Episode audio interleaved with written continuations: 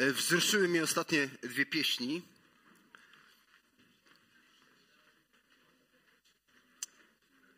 I zadałem sobie pytanie, e, bo nie wiem, czy też tak macie, że kiedy śpiewacie, to myślicie, o czym śpiewacie. Macie też tak, czy to tylko ja tak mam? Haha, nieśmiało, czyli nie wiadomo. Śpiewaliśmy w przedostatniej pieśni myślę, że piękny, piękną metaforę mówiącą o prawdzie, bo pieśni, to jak psalmy, one mają poruszyć nasze emocje, mają wywrzeć coś w nas. I tam było takie sformułowanie: Mój strach utonie w Twojej łasce. Czy to nie jest piękne? Mój strach utonie w Twojej łasce. To jest piękna prawda że strach utonie w Twojej łasce. A potem zadałem sobie pytanie, bo śpiewamy w tej pieśni. Nigdy mnie nie zawiodłeś. No jestem ciekawy, czy to jest takie szczere i prawdziwe, że powiedzielibyśmy, nigdy tak nie myślałem o Bogu, że mnie zawiódł. Nie, czy to jest prawdą taką, wiecie, bo tak, lubimy tak powiedzieć. Nie, no bo poprawnie jest powiedzieć, Bóg nigdy nie zawodzi. Ale czy tak myślałeś, czułeś się zawsze? I jeszcze tylko taki to wstępik z tych pieśni, co mnie poruszyło. I nagle przypomniał mi się Piotr, który chodzi po wodzie, bo ta pieśń była o chodzeniu, prawda, po wodzie. I pomyślałem sobie, ale to niesamowite. Dlaczego Piotr nie utonął, chociaż zwątpił? To zostawię Ci do rozważań. Dlaczego Piotr nie utonął, chociaż zwątpił?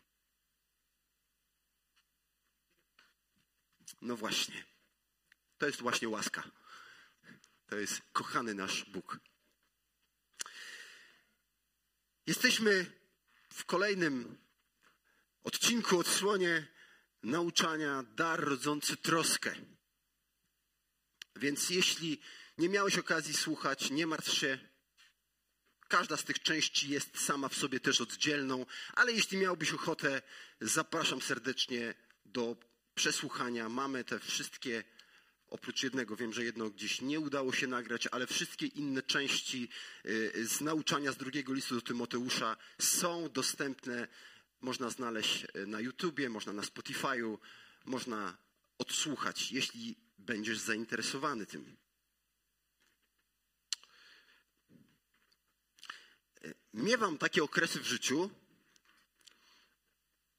w których czytam kilka książek naraz. Nie wiem, ktoś tak też ma? Ja jestem taki dziwny tylko, nie? Ja dzięki, naprawdę. Ciągle się z Kościołem pocieszam, że ja nie jestem jakiś taki...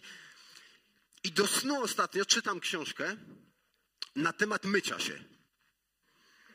Ale nie jest to poradnik, żebym, chociaż może i by się przydało nieraz coś się dowiedzieć więcej. Nie jest to poradnik. Jest to historia, taka, znaczy historia, jest to książka, taki dokument o, o tym, jak ludzie się myli. Wiecie, to jest niesamowite. Jak ludzie się myli, jak dbali o siebie, jak dbali Grecy. Dzisiejsze sauny to myślicie, że skąd się wzięły? Z Norwegii? No to pytanie właśnie, czy się wzięły z Norwegii, czy dużo, dużo wcześniej jeszcze gdzieś ktoś nie wynalazł e, łaźni parowej na przykład. No ale tam właśnie takie historie, ile oni się kąpali, myli. Ale wiecie, niesamowite było dla mnie odkryciem, że było nie kilka lat, nie kilkadziesiąt lat, tylko w tej książce wyczytałem, że było około 300-400 lat, kiedy ludzie doszli do wniosku, że nie będą się myć. Bo mycie to nie było tak, jak dzisiaj masz łazienkę, prawda, masz zlew, prysznic. No, w tamtych czasach w średniowieczu nie było czegoś takiego, więc e, rzeczywiście chodzi ono do łaźni takich publicznych, no może ktoś był bogaty, miał coś takiego w domu, no ale w tych łaźniach działy się takie rzeczy, że w pewnym momencie niemoralność była tam taka, że ludzie postanowili, nie, nie. I to mycie im skojarzyło się e, z niemoralnością i przestali się na 100 lat, nie, na, na 300-400 lat myć. Właściwie czystość polegała na tym, że wiecie co robili? Zmieniali koszulę, ubranie i wystarczyło. I to jest też ciekawe. I tak dbali o zdrowie. Ale co to jest zdrowie? Na przykład, gdybym zapytał Cię dzisiaj, czy jesteś zdrowy, możesz mi odpowiedzieć, no tak. A skąd wiesz? A no bo nie czuję żadnego bólu, żadnego dyskomfortu. No ale gdybyś się przebadał, mogłoby się okazać, uuu, wcale tak nie jest. Prawda? No właśnie. Więc dzisiaj o zdrowiu. Z drugiego listu do Tymoteusza. O zdrowiu. Apostoł Paweł pisze do Tymoteusza tak. Wzoruj się na zdrowej nauce, którą usłyszałeś ode mnie, żyjąc w wierze i miłości, która jest w Chrystusie Jezusie. Tego, co ci dobrego powierzono, strzeż przez Ducha Świętego, który mieszka w nas. Wiesz o tym, że odwrócili się ode mnie wszyscy, którzy są w Azji, a wśród nich Fygelos i Hermogenes. Niech Pan okaże miłosierdzie domowi Onezyfora, bo mnie często pokrzepiał, a więzów moich się nie wstydził. Ale będąc w Rzymie, usilnie mnie szukał i znalazł. Niech mu Pan da, aby znalazł miłosierdzie u Pana w owym dniu, a jak wiele usług oddał mi w Efezie, Ty wiesz najlepiej. Ty więc, synu mój, wzmacniaj się w łasce, która jest w Chrystusie Jezusie, a co słyszałeś ode mnie wobec wielu świadków, to przekaż ludziom godnym zaufania, którzy będą zdolni i innych nauczać. Po pierwsze, nie będziemy całym tym fragmentem się zajmować, ale przeczytałem go, bo według mnie stanowi pewien segment. Ale troszeczkę sobie przypomnijmy coś na temat tego listu.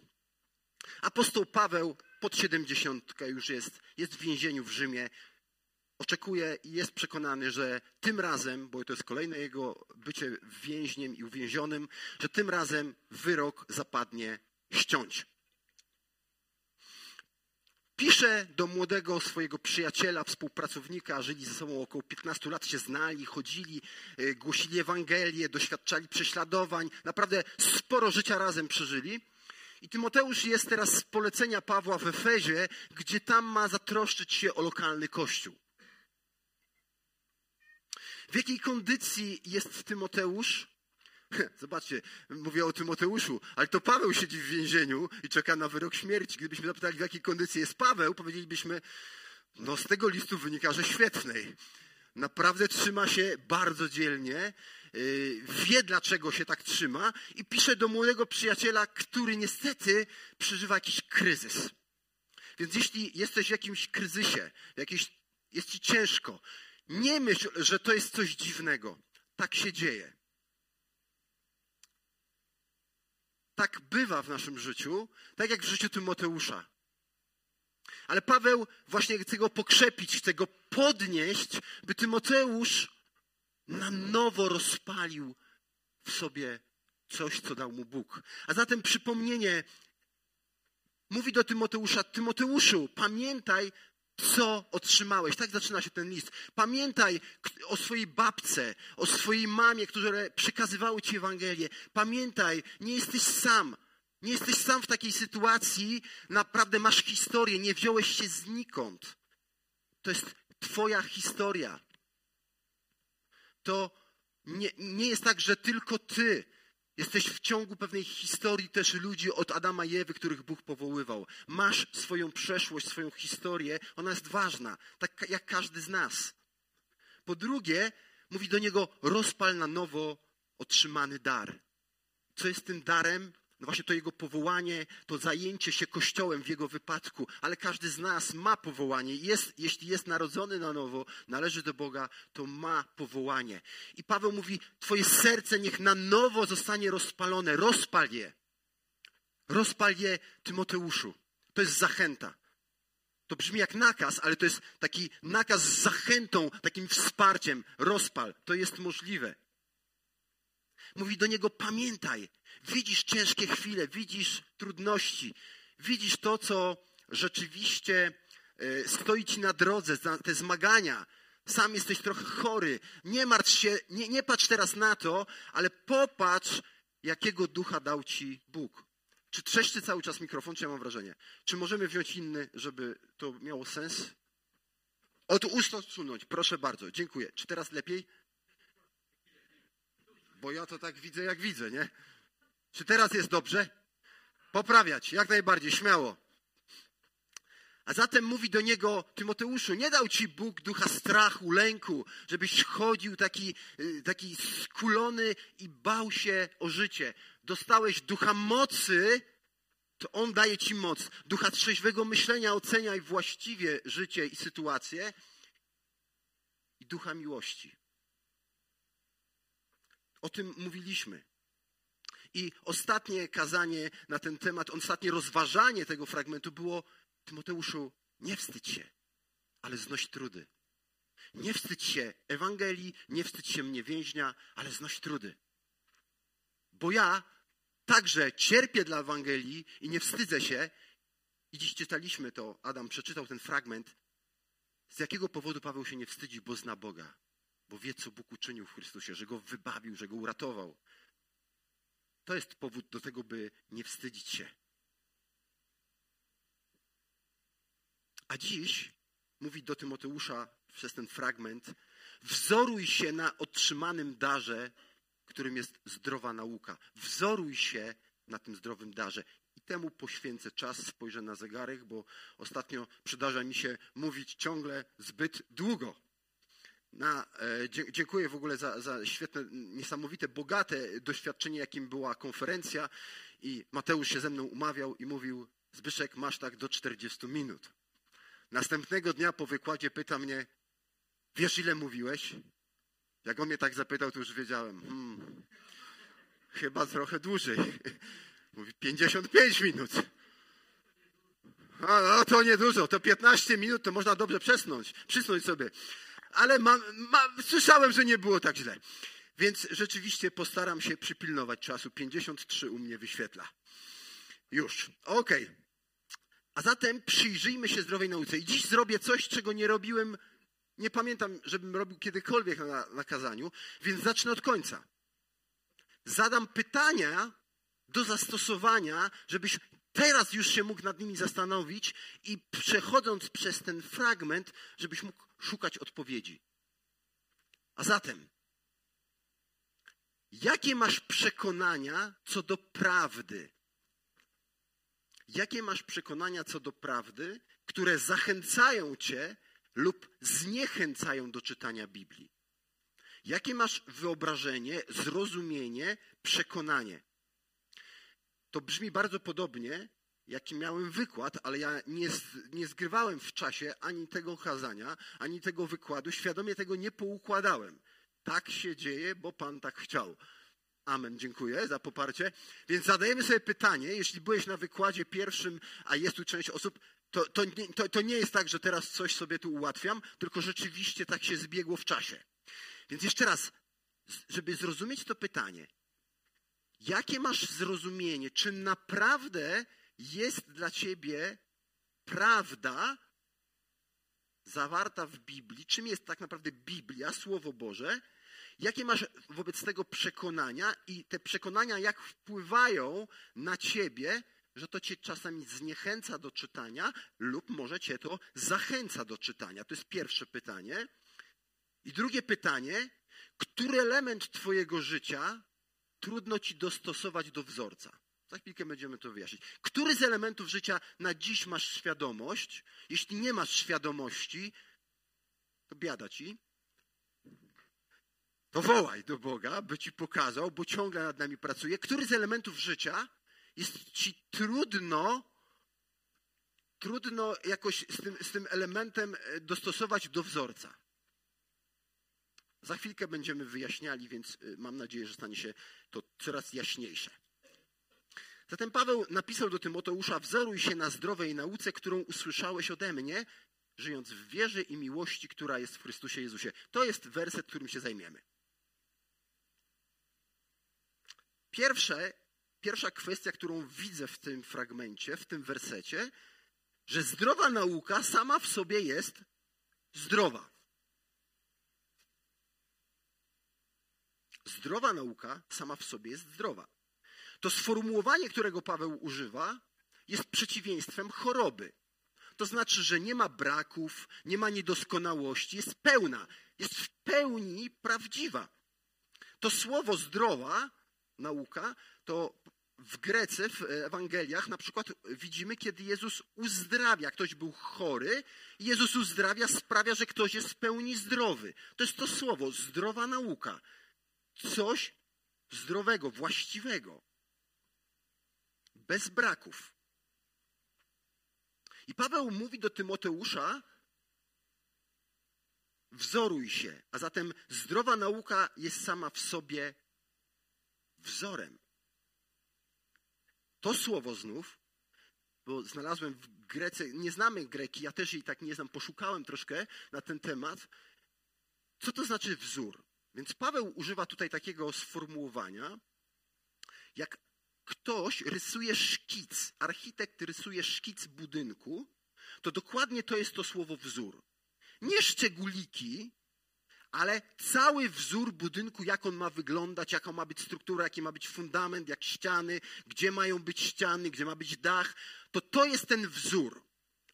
Nie zajmuje się tymi drobiazgami, szczególikami, ale pokazuje wzór. Paweł mówi na przykład w liście do Koryntian w trzecim rozdziale, że używa też takiej metafory, niech każdy baczy, jak buduje, tak? Czyli ma na myśli, jakie wnioski wyciąga, co z tego robi w życiu, ale mówi, coś jest jednego dla wszystkich wierzących. Fundament, którym jest Chrystus. To jest to samo. Czyli tu byśmy mieli taki obraz, że Paweł tam używa w liście do Koryntian, używa, apostoł Paweł używa takiego sformułowania, fundament jest ten sam, to jest wzór, resztę się dobudowuje. Co jest ważne, w dzisiejszym świecie, w którym możemy mieć wątpliwości. Paweł mówi do Tymoteusza: Posłuchaj, drogi przyjacielu, który masz kłopoty. Istnieje wzór. Istnieje prawda. Istnieje coś nieomylnego, obiektywnie, prawdziwie. Istnieje coś. Dzisiaj często możemy usłyszeć: Ja tak czuję, ja tak myślę, ja tak uważam, prawda? Z tą prawdą, że ona w ogóle istnieje w naszej kulturze, jest trudno. Ale Paweł mówi: istnieje wzór. Kiedy Pan Bóg powiedział do Adama w raju, no właśnie, no to test. Uważaj, to jest, jest taki, oglądałem dwa razy z Agnieszą taki um, program muzyczny. Teraz tytuł sobie, trudno mi o tych słowach, jak to było? Tak, jak to leciało? Czy tak to leciało? Oglądał ktoś? A, no znowu nie czuję się jakiś taki cielesny bardzo, bo są też tacy ze mną. I chodzi tam w tym w konkursie o to, że ludzie śpiewają, znają jakieś piosenki, śpiewają i w pewnym momencie ciach, nie widzą słów i muszą dokładnie co do słowa powiedzieć, jak to leciało. Nie? Na tym polega ten konkurs. No to teraz e, zastosuję ten konkurs. Co powiedział Bóg do Adama na temat zjadania owocu z zakazanego drzewa? Jak to leciało? Proszę. Zależy pewnie od przekładu. To musimy wziąć pod uwagę. tak, okej. Okay. Ale te główne elementy tutaj dosłyszeliśmy. Nie wolno ci jeść z tego drzewa. Mamy wzór, tak? Kiedy szatan rozmawia z Ewą, co tam się dzieje w tej rozmowie? Co mówi szatan? Czy na pewno Bóg powiedział, co? Że nie możesz jeść. Kultura pełna. Przyszedł, zapytał. Ewa, słuchaj, czy na pewno Bóg powiedział? Co powiedziała Ewa? O, no właśnie. Ewa odpowiedziała, że nie wolno nam dotykać. Czy Bóg powiedział, że nie wolno dotykać? Ona już łamie wzór, ona już odchodzi od wzoru. A diabeł tylko na to czeka. I prowadzi z nią dalej dialog i mówi półprawdy i kłamstwa. I miesza z prawdą i tworzy już nie wzór, coś, co nie jest prawdziwe. A Paweł mówi do Tymoteusza, Tymoteuszu, wiemy, że jest zamęt, wiem, że ci ciężko, ale pamiętaj, jest zdrowa nauka, jest wzór, istnieje. Nie musisz się domyślać, nie musisz po omacku chodzić. Istnieje wzór. Co więcej, to sformułowanie w dalszej części listu Paweł używa w czwartym rozdziale, mówiąc o ludziach i o przyszłości, mówi, że będą ludzie, którzy nie zdzierżą, nie ścierpią zdrowej nauki. To sformułowanie bardzo mi przypomina różne rozmowy. Bywa, że, że czasami z dziećmi je mamy. Zjedz marchewkę, bo jest zdrowa. A pietruszkę może chcesz ugotowaną, nie? No, nie zdzierżę tego. A nie powinieneś jeść tyle słodyczy i chipsów. No, taka cisza, nie? Aha. Dlaczego w takiej zwykłej rzeczy nie jest nam nieraz trudno? Ta, to, to, to, co zdrowe, niekoniecznie nam na dzień dobry smakuje, chociaż jest zdrowe, nie chcemy tego. A Paweł mówi o pewnym nauczaniu, mówi, nie zdzierżą zdrowej nauki. W pierwszym rozdziale mówi do Tymoteusza, Tymoteuszu, trzymaj się, masz kryzys, ale istnieje zdrowa nauka. W czwartym rozdziale mówi, słuchaj, będą ludzie, którzy będą, będą zbierać sobie słuchaczy, bo nie będą w stanie znieść zdrowej nauki. Będzie im ona tak przeszkadzała. Ale to, to później. Chcę wam tylko pokazać, że ten, to sformułowanie Paweł używa do Tymoteusza, aby pomóc mu. Co więcej, jedna bardzo ważna kwestia. Zdrowa nauka to nie jest odczucie. Zdrowa nauka to nie są jakieś myśli, to nie są jakieś pomysły, to jest konkret. To jest coś konkretnego. Dokładnie najbliższy kontekst tego, co Paweł miał na myśli, powiedział ciut wcześniej. O tym, co zrobił Bóg. To jest konkret. Bóg jest osobą, Bóg w Jezusie przyszedł na ziemię, Bóg stał się człowiekiem, Bóg wyciąga z potępienia, z bagna grzechu człowieka, powołuje go, powołuje go do życia z nim, wyposaża. To czyni Bóg. I Jezu- I Paweł mówi do Tymoteusza, Tymoteuszu, zobaczcie, 15 lat. Tymoteusz wiedział o tym, a on mu to przypomina, a on mu to przypomina. Jak masz kryzys, założę się, że potrzebujesz tak samo jak ja przypomnieć sobie, co zrobił Bóg i kim jest Bóg. I że istnieje prawda, że to, co widzę i co mnie przeraża, niekoniecznie do końca jest wszystko prawdą, którą, z- którą mam się karmić. Rzeczywistość, jaka jest, doświadczamy, ale opis tej rzeczywistości, jak przez nią przejść, to mówi nam Bóg. Dokładnie. Więc dostosowujesz się do wzorca, a nie wzorzec do, sie, do, do, do ciebie. Przepraszam, tu źle napisałem. A nie wzorzec do siebie, tylko do ciebie. Co to znaczy? Dam wam przykład. Jak chodzę na ćwiczenia, e, na, na ćwiczenia e, stretchingu, to zwykle instruktorka dokładnie pokazuje, jak wykonać dane ćwiczenie. To jest wzorzec. Tak? Czy ktoś z was chodzi na takie zajęcia, czy tylko znowu ja jestem dziwny? Coraz trudniej, ale dzięki, że jesteście. Co to jest? No właśnie. Dziękuję, Aniu, bo tak, bo taka nazwa. Ro, czyli jak właściwie się rozciągać, rozciągać różne części ciała i pomysły mają niesamowite. Te wzorce bywają naprawdę. Jak nieraz na siebie patrzę w lustrze, to myślę, co ja tutaj wyrabiam, nie wiem. Ale jest wzorzec. Ktoś pokazuje, jak to zrobić. I bywa tak, że ja to próbuję zrobić i mi niewygodnie bo naprawdę jest niewygodnie. I co wtedy robię? Jak myślicie? Co, co, co czasami robię? Proszę? Jeśli jestem uczciwy, to poprawiam pozycję, żeby do, dojść pozycją do wzorca. Ale jak mi się nie chce, to oszukuję. Ale nie instruktora, tylko siebie. A tak trochę mniej woli. I już nie robię tego właściwie i nie ma efektu. Oszukuję. Kiedy Paweł mówi o wzorcu, to mówi: Pamiętaj, istnieje wzorzec, jest on poznawalny, spójrz na niego i zobacz siebie.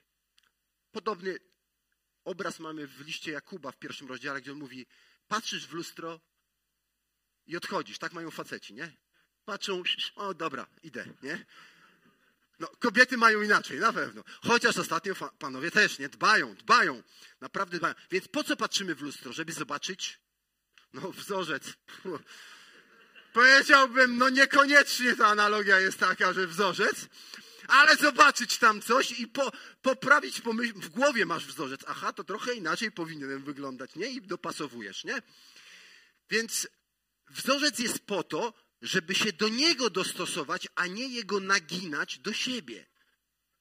To niby jest oczywiste, ale kiedy czytamy Boże Słowo, jestem przekonany, że mamy tendencję, jak w tych, przy tych ćwiczeniach, to mi nie pasuje. A! Nie do końca. A! To Boże, a, dobra, ten fragment minę. Bo jest nam niewygodnie. Paweł mówi, jest wzorzec. Nie rezygnuj z niego, nie rezygnuj z niego. Więc zapytam Cię, jakie masz przekonania co do prawdy, które zachęcają Cię lub zniechęcają do czytania Biblii? A zatem zapytam inaczej jeszcze. Czy jesteś pewny, pewna, że Pismo Święte, mówimy to na to też Biblia, jest Słowem Bożym, choć to jest przekład oczywiście, nie będę teraz wszystkiego tego tłumaczył, dlaczego tak to uważam, że to jest Słowo Boże, ale że to jest nieomylne Boże Słowo, wzorzec dany nam przez Boga, bo Bóg zdecydował, by przez swoje Słowo zapisane zostawić nam wzorzec. Czy jesteś tego pewny? Wiesz, po czym to poznać? Po tym, czy to czytasz czy to ma wartość. Po tym, czy to czyta. Jeśli tego nie czytasz, to możesz sobie odpowiedzieć na pytanie, czy, to, czy ja potrzebuję prawdy w życiu? Jeśli nie czytam, to znaczy nie wierzę w to. Lub bardzo słabo wierzę. Musimy sobie odpowiedzieć, to jest wzorzec. Dlaczego nie chcę spojrzeć w niego? Jeśli wierzę, że to jest wzorzec, to jest bardzo fundamentalna prawda. Ta prawda jest atakowana przez całe chrześcijaństwo od początku. A wiek XVIII, XIX i teraz ten XX, XXI ciągle atakuje i podważa, że to nie jest prawda że możesz w to nie wierzyć spokojnie, bo przecież to pisali ludzie omylni, skąd wiesz, że to jest nieomylne i takiego różnego rodzaju argumenty. Jeśli w tym potrzebujesz wsparcia, możesz ze mną pogadać, mogę ci polecić książki i ludzi, książki, które napisali ludzie, którzy pomagają nam jak najbardziej odpowiedzieć na pewne pytania, byśmy się umocnili w tym. A zatem, co, co myślisz o tym? I w związku z tym, może też nie czytasz, bo przeczytałeś coś, i myślisz, jejku, to trudne. Ja tego nie chcę za bardzo w życiu. Ja nie chcę takiego wzorca. Czyli też nie wierzymy wtedy, że ten, który napisał ten wzorzec, nas kocha jest dobry. I zrobił to z miłości do nas, a nie żeby nam utrudnić życie. Chociaż nieraz tak myślimy, chrześcijanie to mają trudniej, nie? Bo muszą mówić prawdę.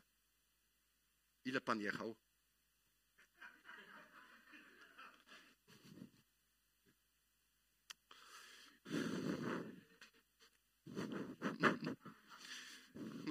No, nie chcę kłamać i nie chcę tyle płacić. Nie? Prawda? Życie, codzienność. Codzienność. Wzoruj się na zdrowej nauce, którą usłyszałeś ode mnie. No właśnie. Ten, skąd wziął ten wzorzec Tymoteusz?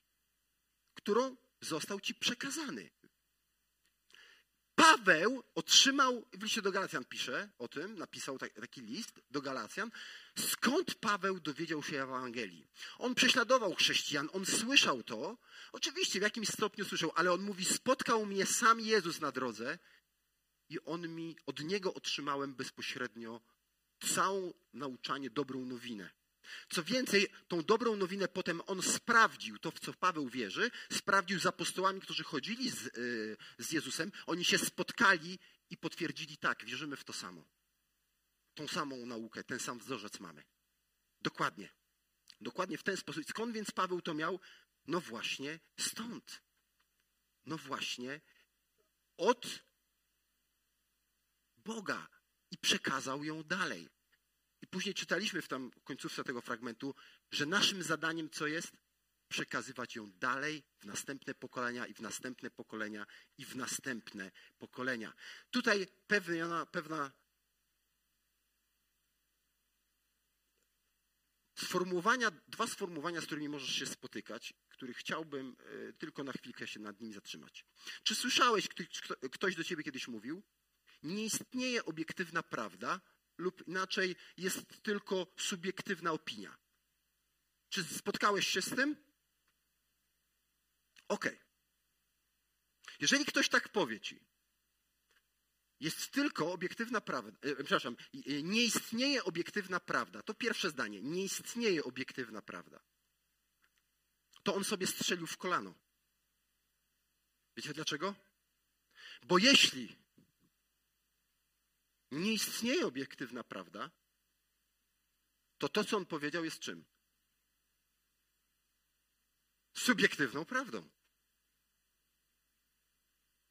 Jeżeli on twierdzi, mówi, nie istnieje obiektywna prawda, to znaczy albo sam przeczy sobie, w sensie, że kłamie, że, że, że nie zgadza się z tym zdaniem, ale tak mówi, lub jeśli tak twierdzi, no to jakby mówił, ale to jest tylko moje zdanie, to znaczy, że to nie jest prawdą, bo to jest tylko moje zdanie. A, wie, więcej moglibyśmy w to wejść, że rzeczywiście nie dajmy się zepchnąć na coś takiego, że nie istnieje prawda obiektywna. Bóg jest obiektywną prawdą. Nie ja i moje przekonania, ale Bóg. Możesz być pewny na tym świecie tego, co powiedział Bóg. I Bóg cię dał słowo, abyś mógł rzeczywiście być pewnym. Paweł mówi: Wiem, od kogo to otrzymałem. Wiem, dlaczego wierzę w Boga. Wiem, pomimo kłopotów, dlaczego tu jestem. On mówi do Tymoteusza: Tymoteuszu, ja wiem, że jesteś w kryzysie, że ci ciężko. Dzisiaj może by powiedział w ten sposób: Wiesz co, wiem, że ci w tej pracy ciężko. Wiem, że może w, tym, w tej rodzinie ci ciężko, z tymi dziećmi, z żoną, mężem, z rodzicami. Wiem, że ci ciężko. Wiem, że ci na tych studiach ciężko. Z sąsiadami ci ciężko. Jeśli jest ci ciężko z powodu Chrystusa, wiem o tym. To nic nowego. To normalne. To normalne. Ale nie na tym się skupiaj. Nie na tym się skupiaj. To normalne, że chrześcijanie przeżywają prześladowania, że są nielubiani, jeśli oczywiście nie są natrętni, bo to jest inny temat, ale z powodu prawdy, z powodu Twoich przekonań, jeżeli ktoś Cię nie lubi, nie chce z tobą być, śmieje się z ciebie, to to jest normalne. Co więcej, Paweł powiedział do Tymoteusza, i myślę, że tego bardzo potrzebujemy dzisiaj. Bardzo, bardzo potrzebujemy nie chodzić z kulonymi chrześcijanami, którzy się boją powiedzieć, w co wierzą, tylko chodzić z taką dobrą pewnością, z taką, takim zaszczytem, że Bóg mnie wybrał, pokazał mi prawdę i ja wiem, jak idę przez ten świat. Nie wstydź się, ale bądź pewny. Bo prawda istnieje, bo istnieje wzór. Masz Ewangelię. I teraz rysunek taki, który mam nadzieję, że nam pomoże troszeczkę w tym temacie. Niech ta linia umownie oznacza zdrową naukę. Okay? A ta łódka, no nie łódka, tylko taki kajak, bo tam siedzi gościu z wiosłami, niech oznacza pewne odchylenia w tym wypadku od tej zdrowej nauki. Istnieje zdrowa nauka. Istnieje obiektywna prawda. I jest ona poznawalna. Ale my jesteśmy grzeszni. Wychowaliśmy się w danej kulturze. Wychowaliśmy się niektórzy w danym kościele, w danych przyzwyczajeniach które mają wpływ na to, jak rozumiemy rzeczywistość i Pana Boga. Przypomina mi się taka historia, którą kiedyś słyszałem, że w jednym zborze ludzie jak wchodzili na salę, to robili tak.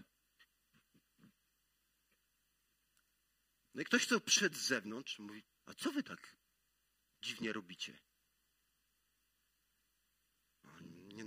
tak zawsze, nie? Jak wchodzimy, to... No i zaczęli grzebać, dlaczego tak robią. No. Okazało się, że dawno, dawno temu, jakieś tam ileś pokoleń wcześniej, drzwi były niskie i zawsze jak wchodzili ludzie, to tak robili, nie? A oni myśleli, że taka pobożność, że wchodzisz i... Rozumiecie? My się śmiejemy z tego, ale my mamy takie naleciałości. Prawda? U nas w nabożeństwo wygląda tak. Czy to jest wzór? No, teraz uważaj. No właśnie. No właśnie. Co tu jest wzorem, a co jest pewnym, co jest wzorem tym taką wzorem, jaki architekt narysował i powiedział, czym ma być nabożeństwo, a co jest wypełnianiem przez nas, przez nasze wyobrażenie, co nam pomaga, co nam nie pomaga. No, no właśnie o to tutaj chodzi. I mamy tendencję czasami niestety odpływać od prawdy z, z różnych powodów. Czasami świadomie, a czasami nieświadomie. Po prostu na przykład przychodzisz do tego zboru, widzisz jak jest, jaką ma kulturę swoją, co robi i możesz zacząć zadawać pytania, a czemu wy tak to robicie, prawda? No i nagle dochodzisz do prawdy się może okazać, ty, ale oni odpłynęli, ja dziękuję, tu jest zdrowa nauka, gdzie oni są. Ludzie, jak popłynęli. Można. I tak bywa, i to nie jest wcale przesada, że tak bywa, że odpływamy, że pewne rzeczy stają się tak ważne, że nie ma nic to wspólnego już ze zdrową nauką. Ale my to uświęcamy, te rzeczy.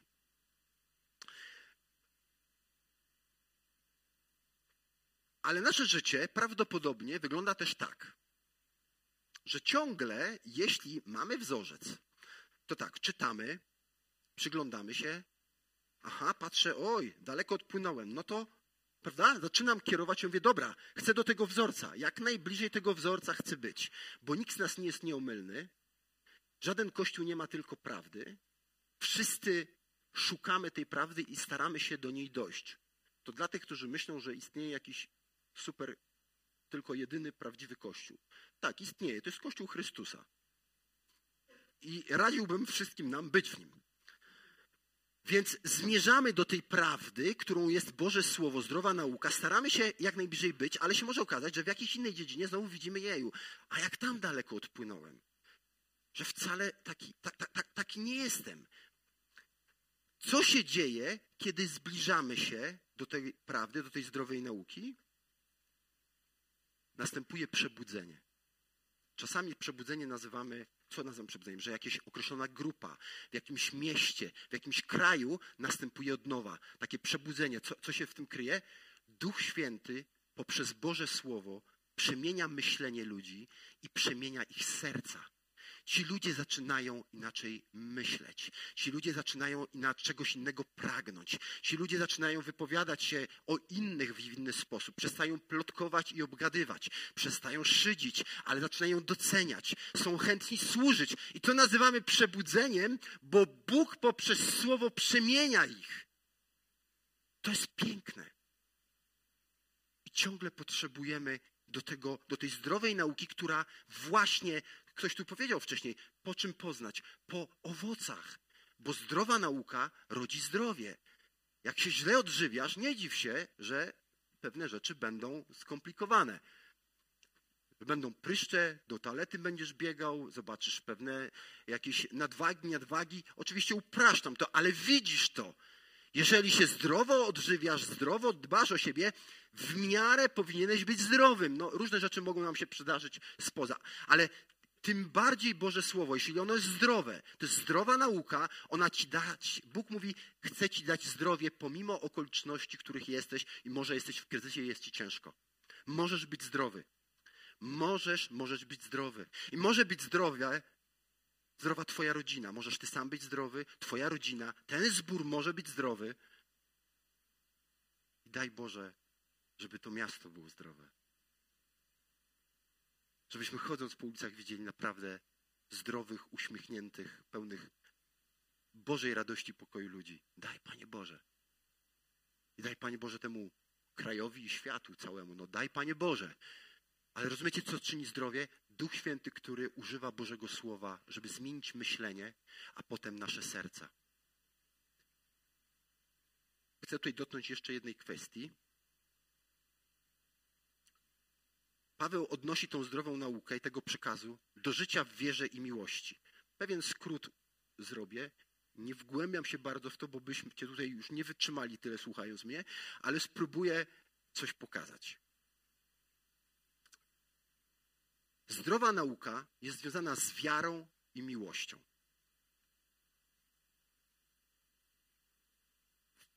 Załóżmy, dlaczego Paweł używa tych dwóch sformułowań? Załóżmy, że prawdą jest, że wiara dotyczy Twoich przekonań, Twojego myślenia, tego, co rozumiesz, poznajesz, odkrywasz, a miłość jest tą reakcją kochania Boga i ludzi i świata wokoło. Czyli zdrowa nauka, Boża nauka wpływa na to, w co wierzysz i jak się zachowujesz, jak robisz. Jak traktujesz innych ludzi. Teraz przykłady. W zborze w Efezie, w którym był Tymoteusz, w pierwszym liście do Tymoteusza, możemy przeczytać w szóstym rozdziale taką wskazówkę. Paweł mówi do Tymoteusza i zaraz zobaczymy, czy to u nas też nie działa. Mówi do niego, niektórzy ludzie uważają, że z pobożności można mieć realne korzyści, tu fizyczne takie korzyści, a dokładnie rzecz biorąc kontekst mówi o pieniądzach. Czyli jeśli jesteś pobożny i, dla, i chcesz być pobożny, to bądź pobożny, bo zobacz, będziesz miał więcej pieniędzy. Na tym zyskasz.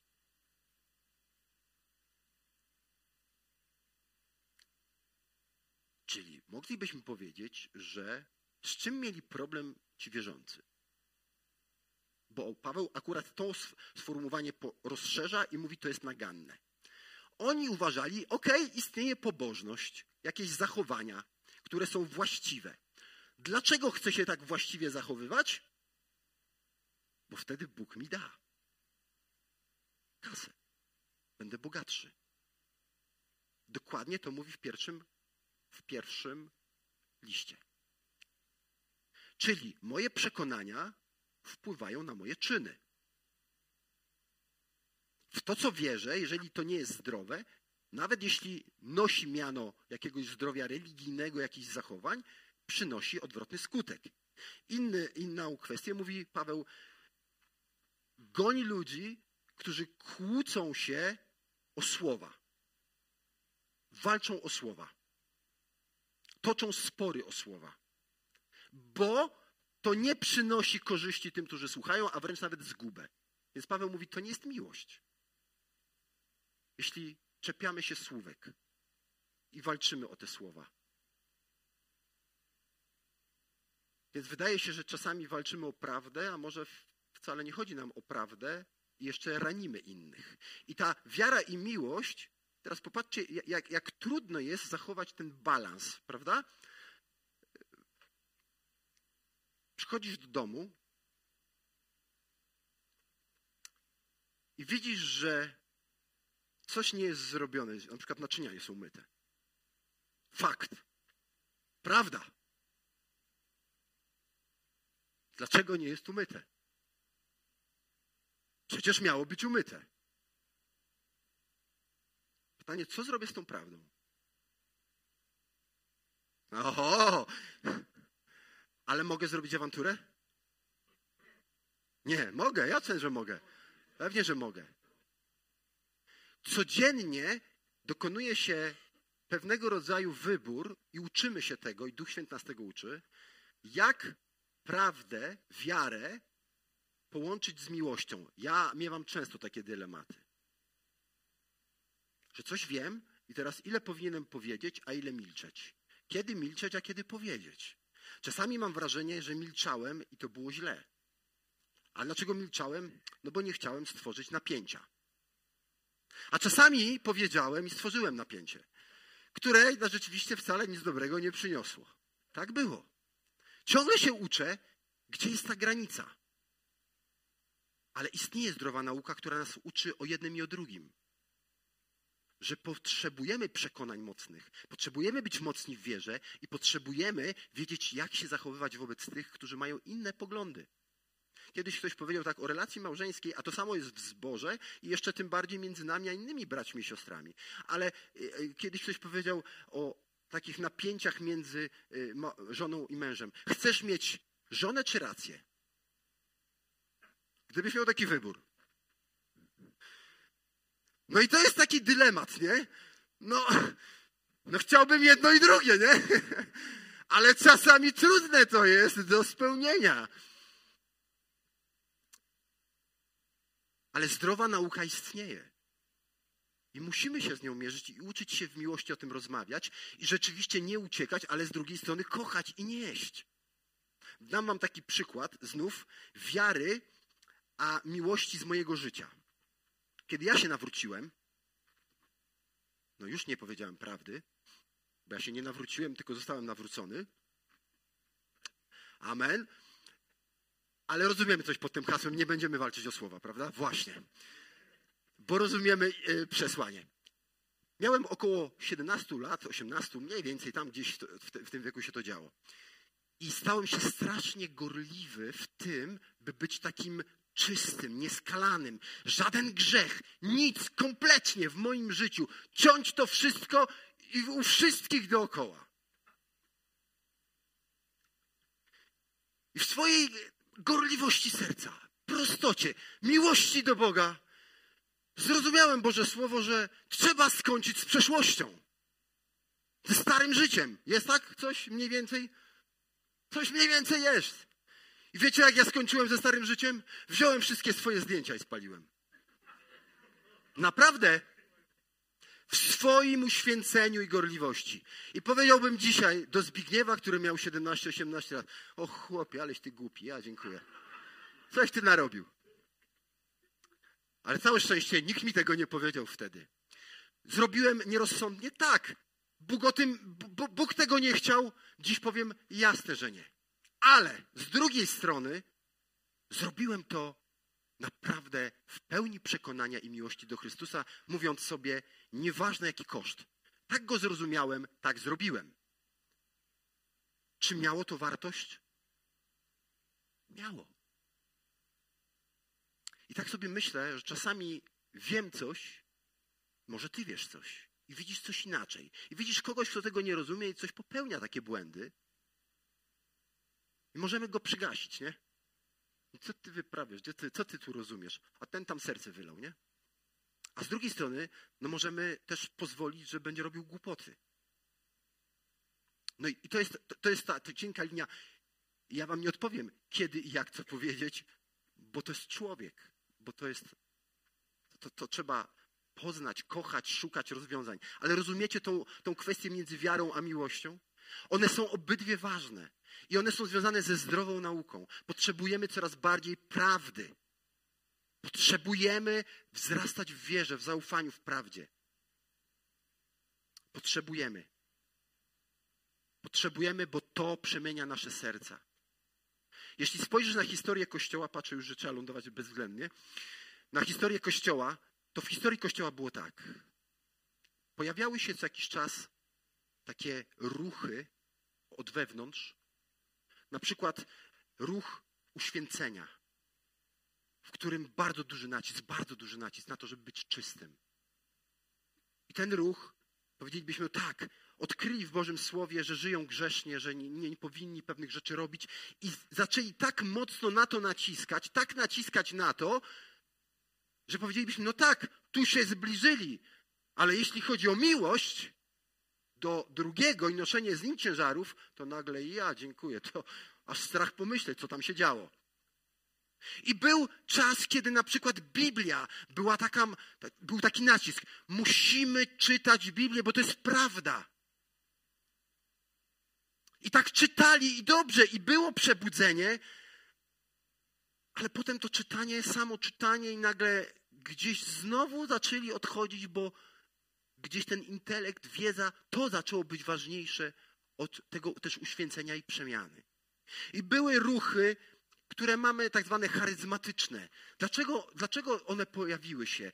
Bo ludzie zobaczyli, że w Biblii widzimy tam ożywionych ludzi, a nie tylko takich dyskutujących.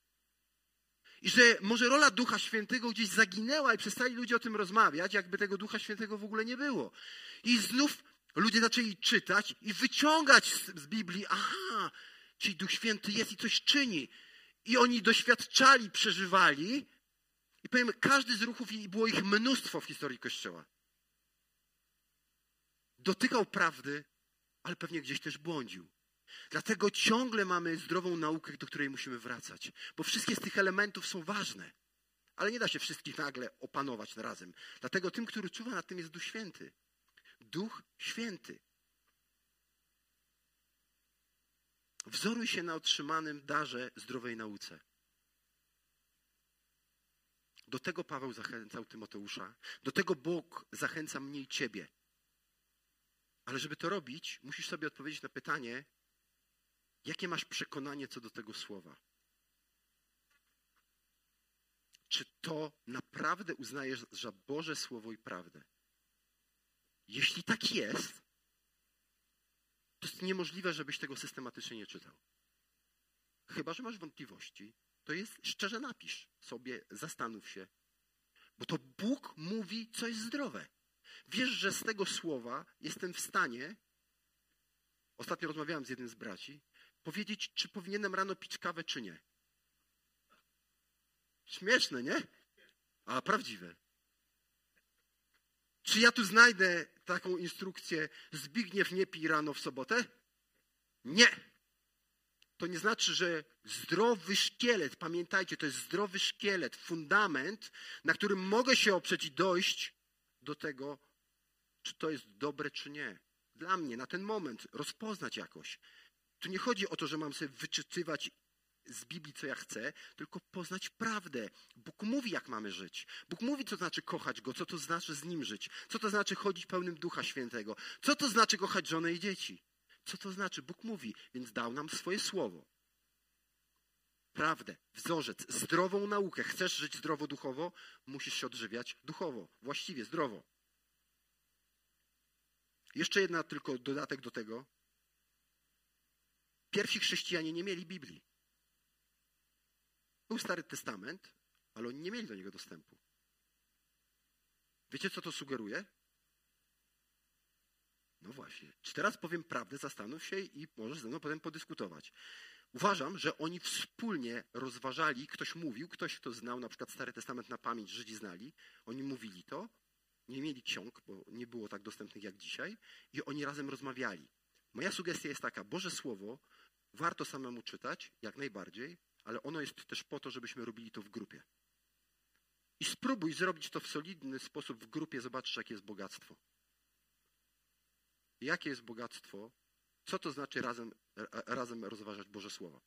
Więc jeżeli wierzysz w nie, rozważaj je sam i proponuję, poszukaj grupy, która się też tym fascynuje, Bożym Słowem. I druga kwestia.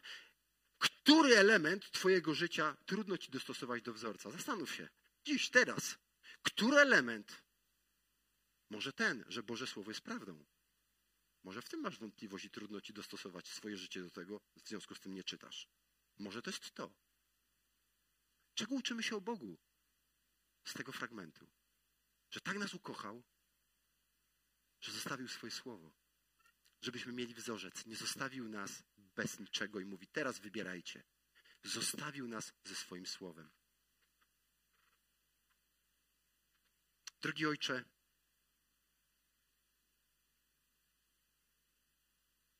myślę, że nie cenię Twojego słowa tak, jak na to ono jeszcze zasługuje.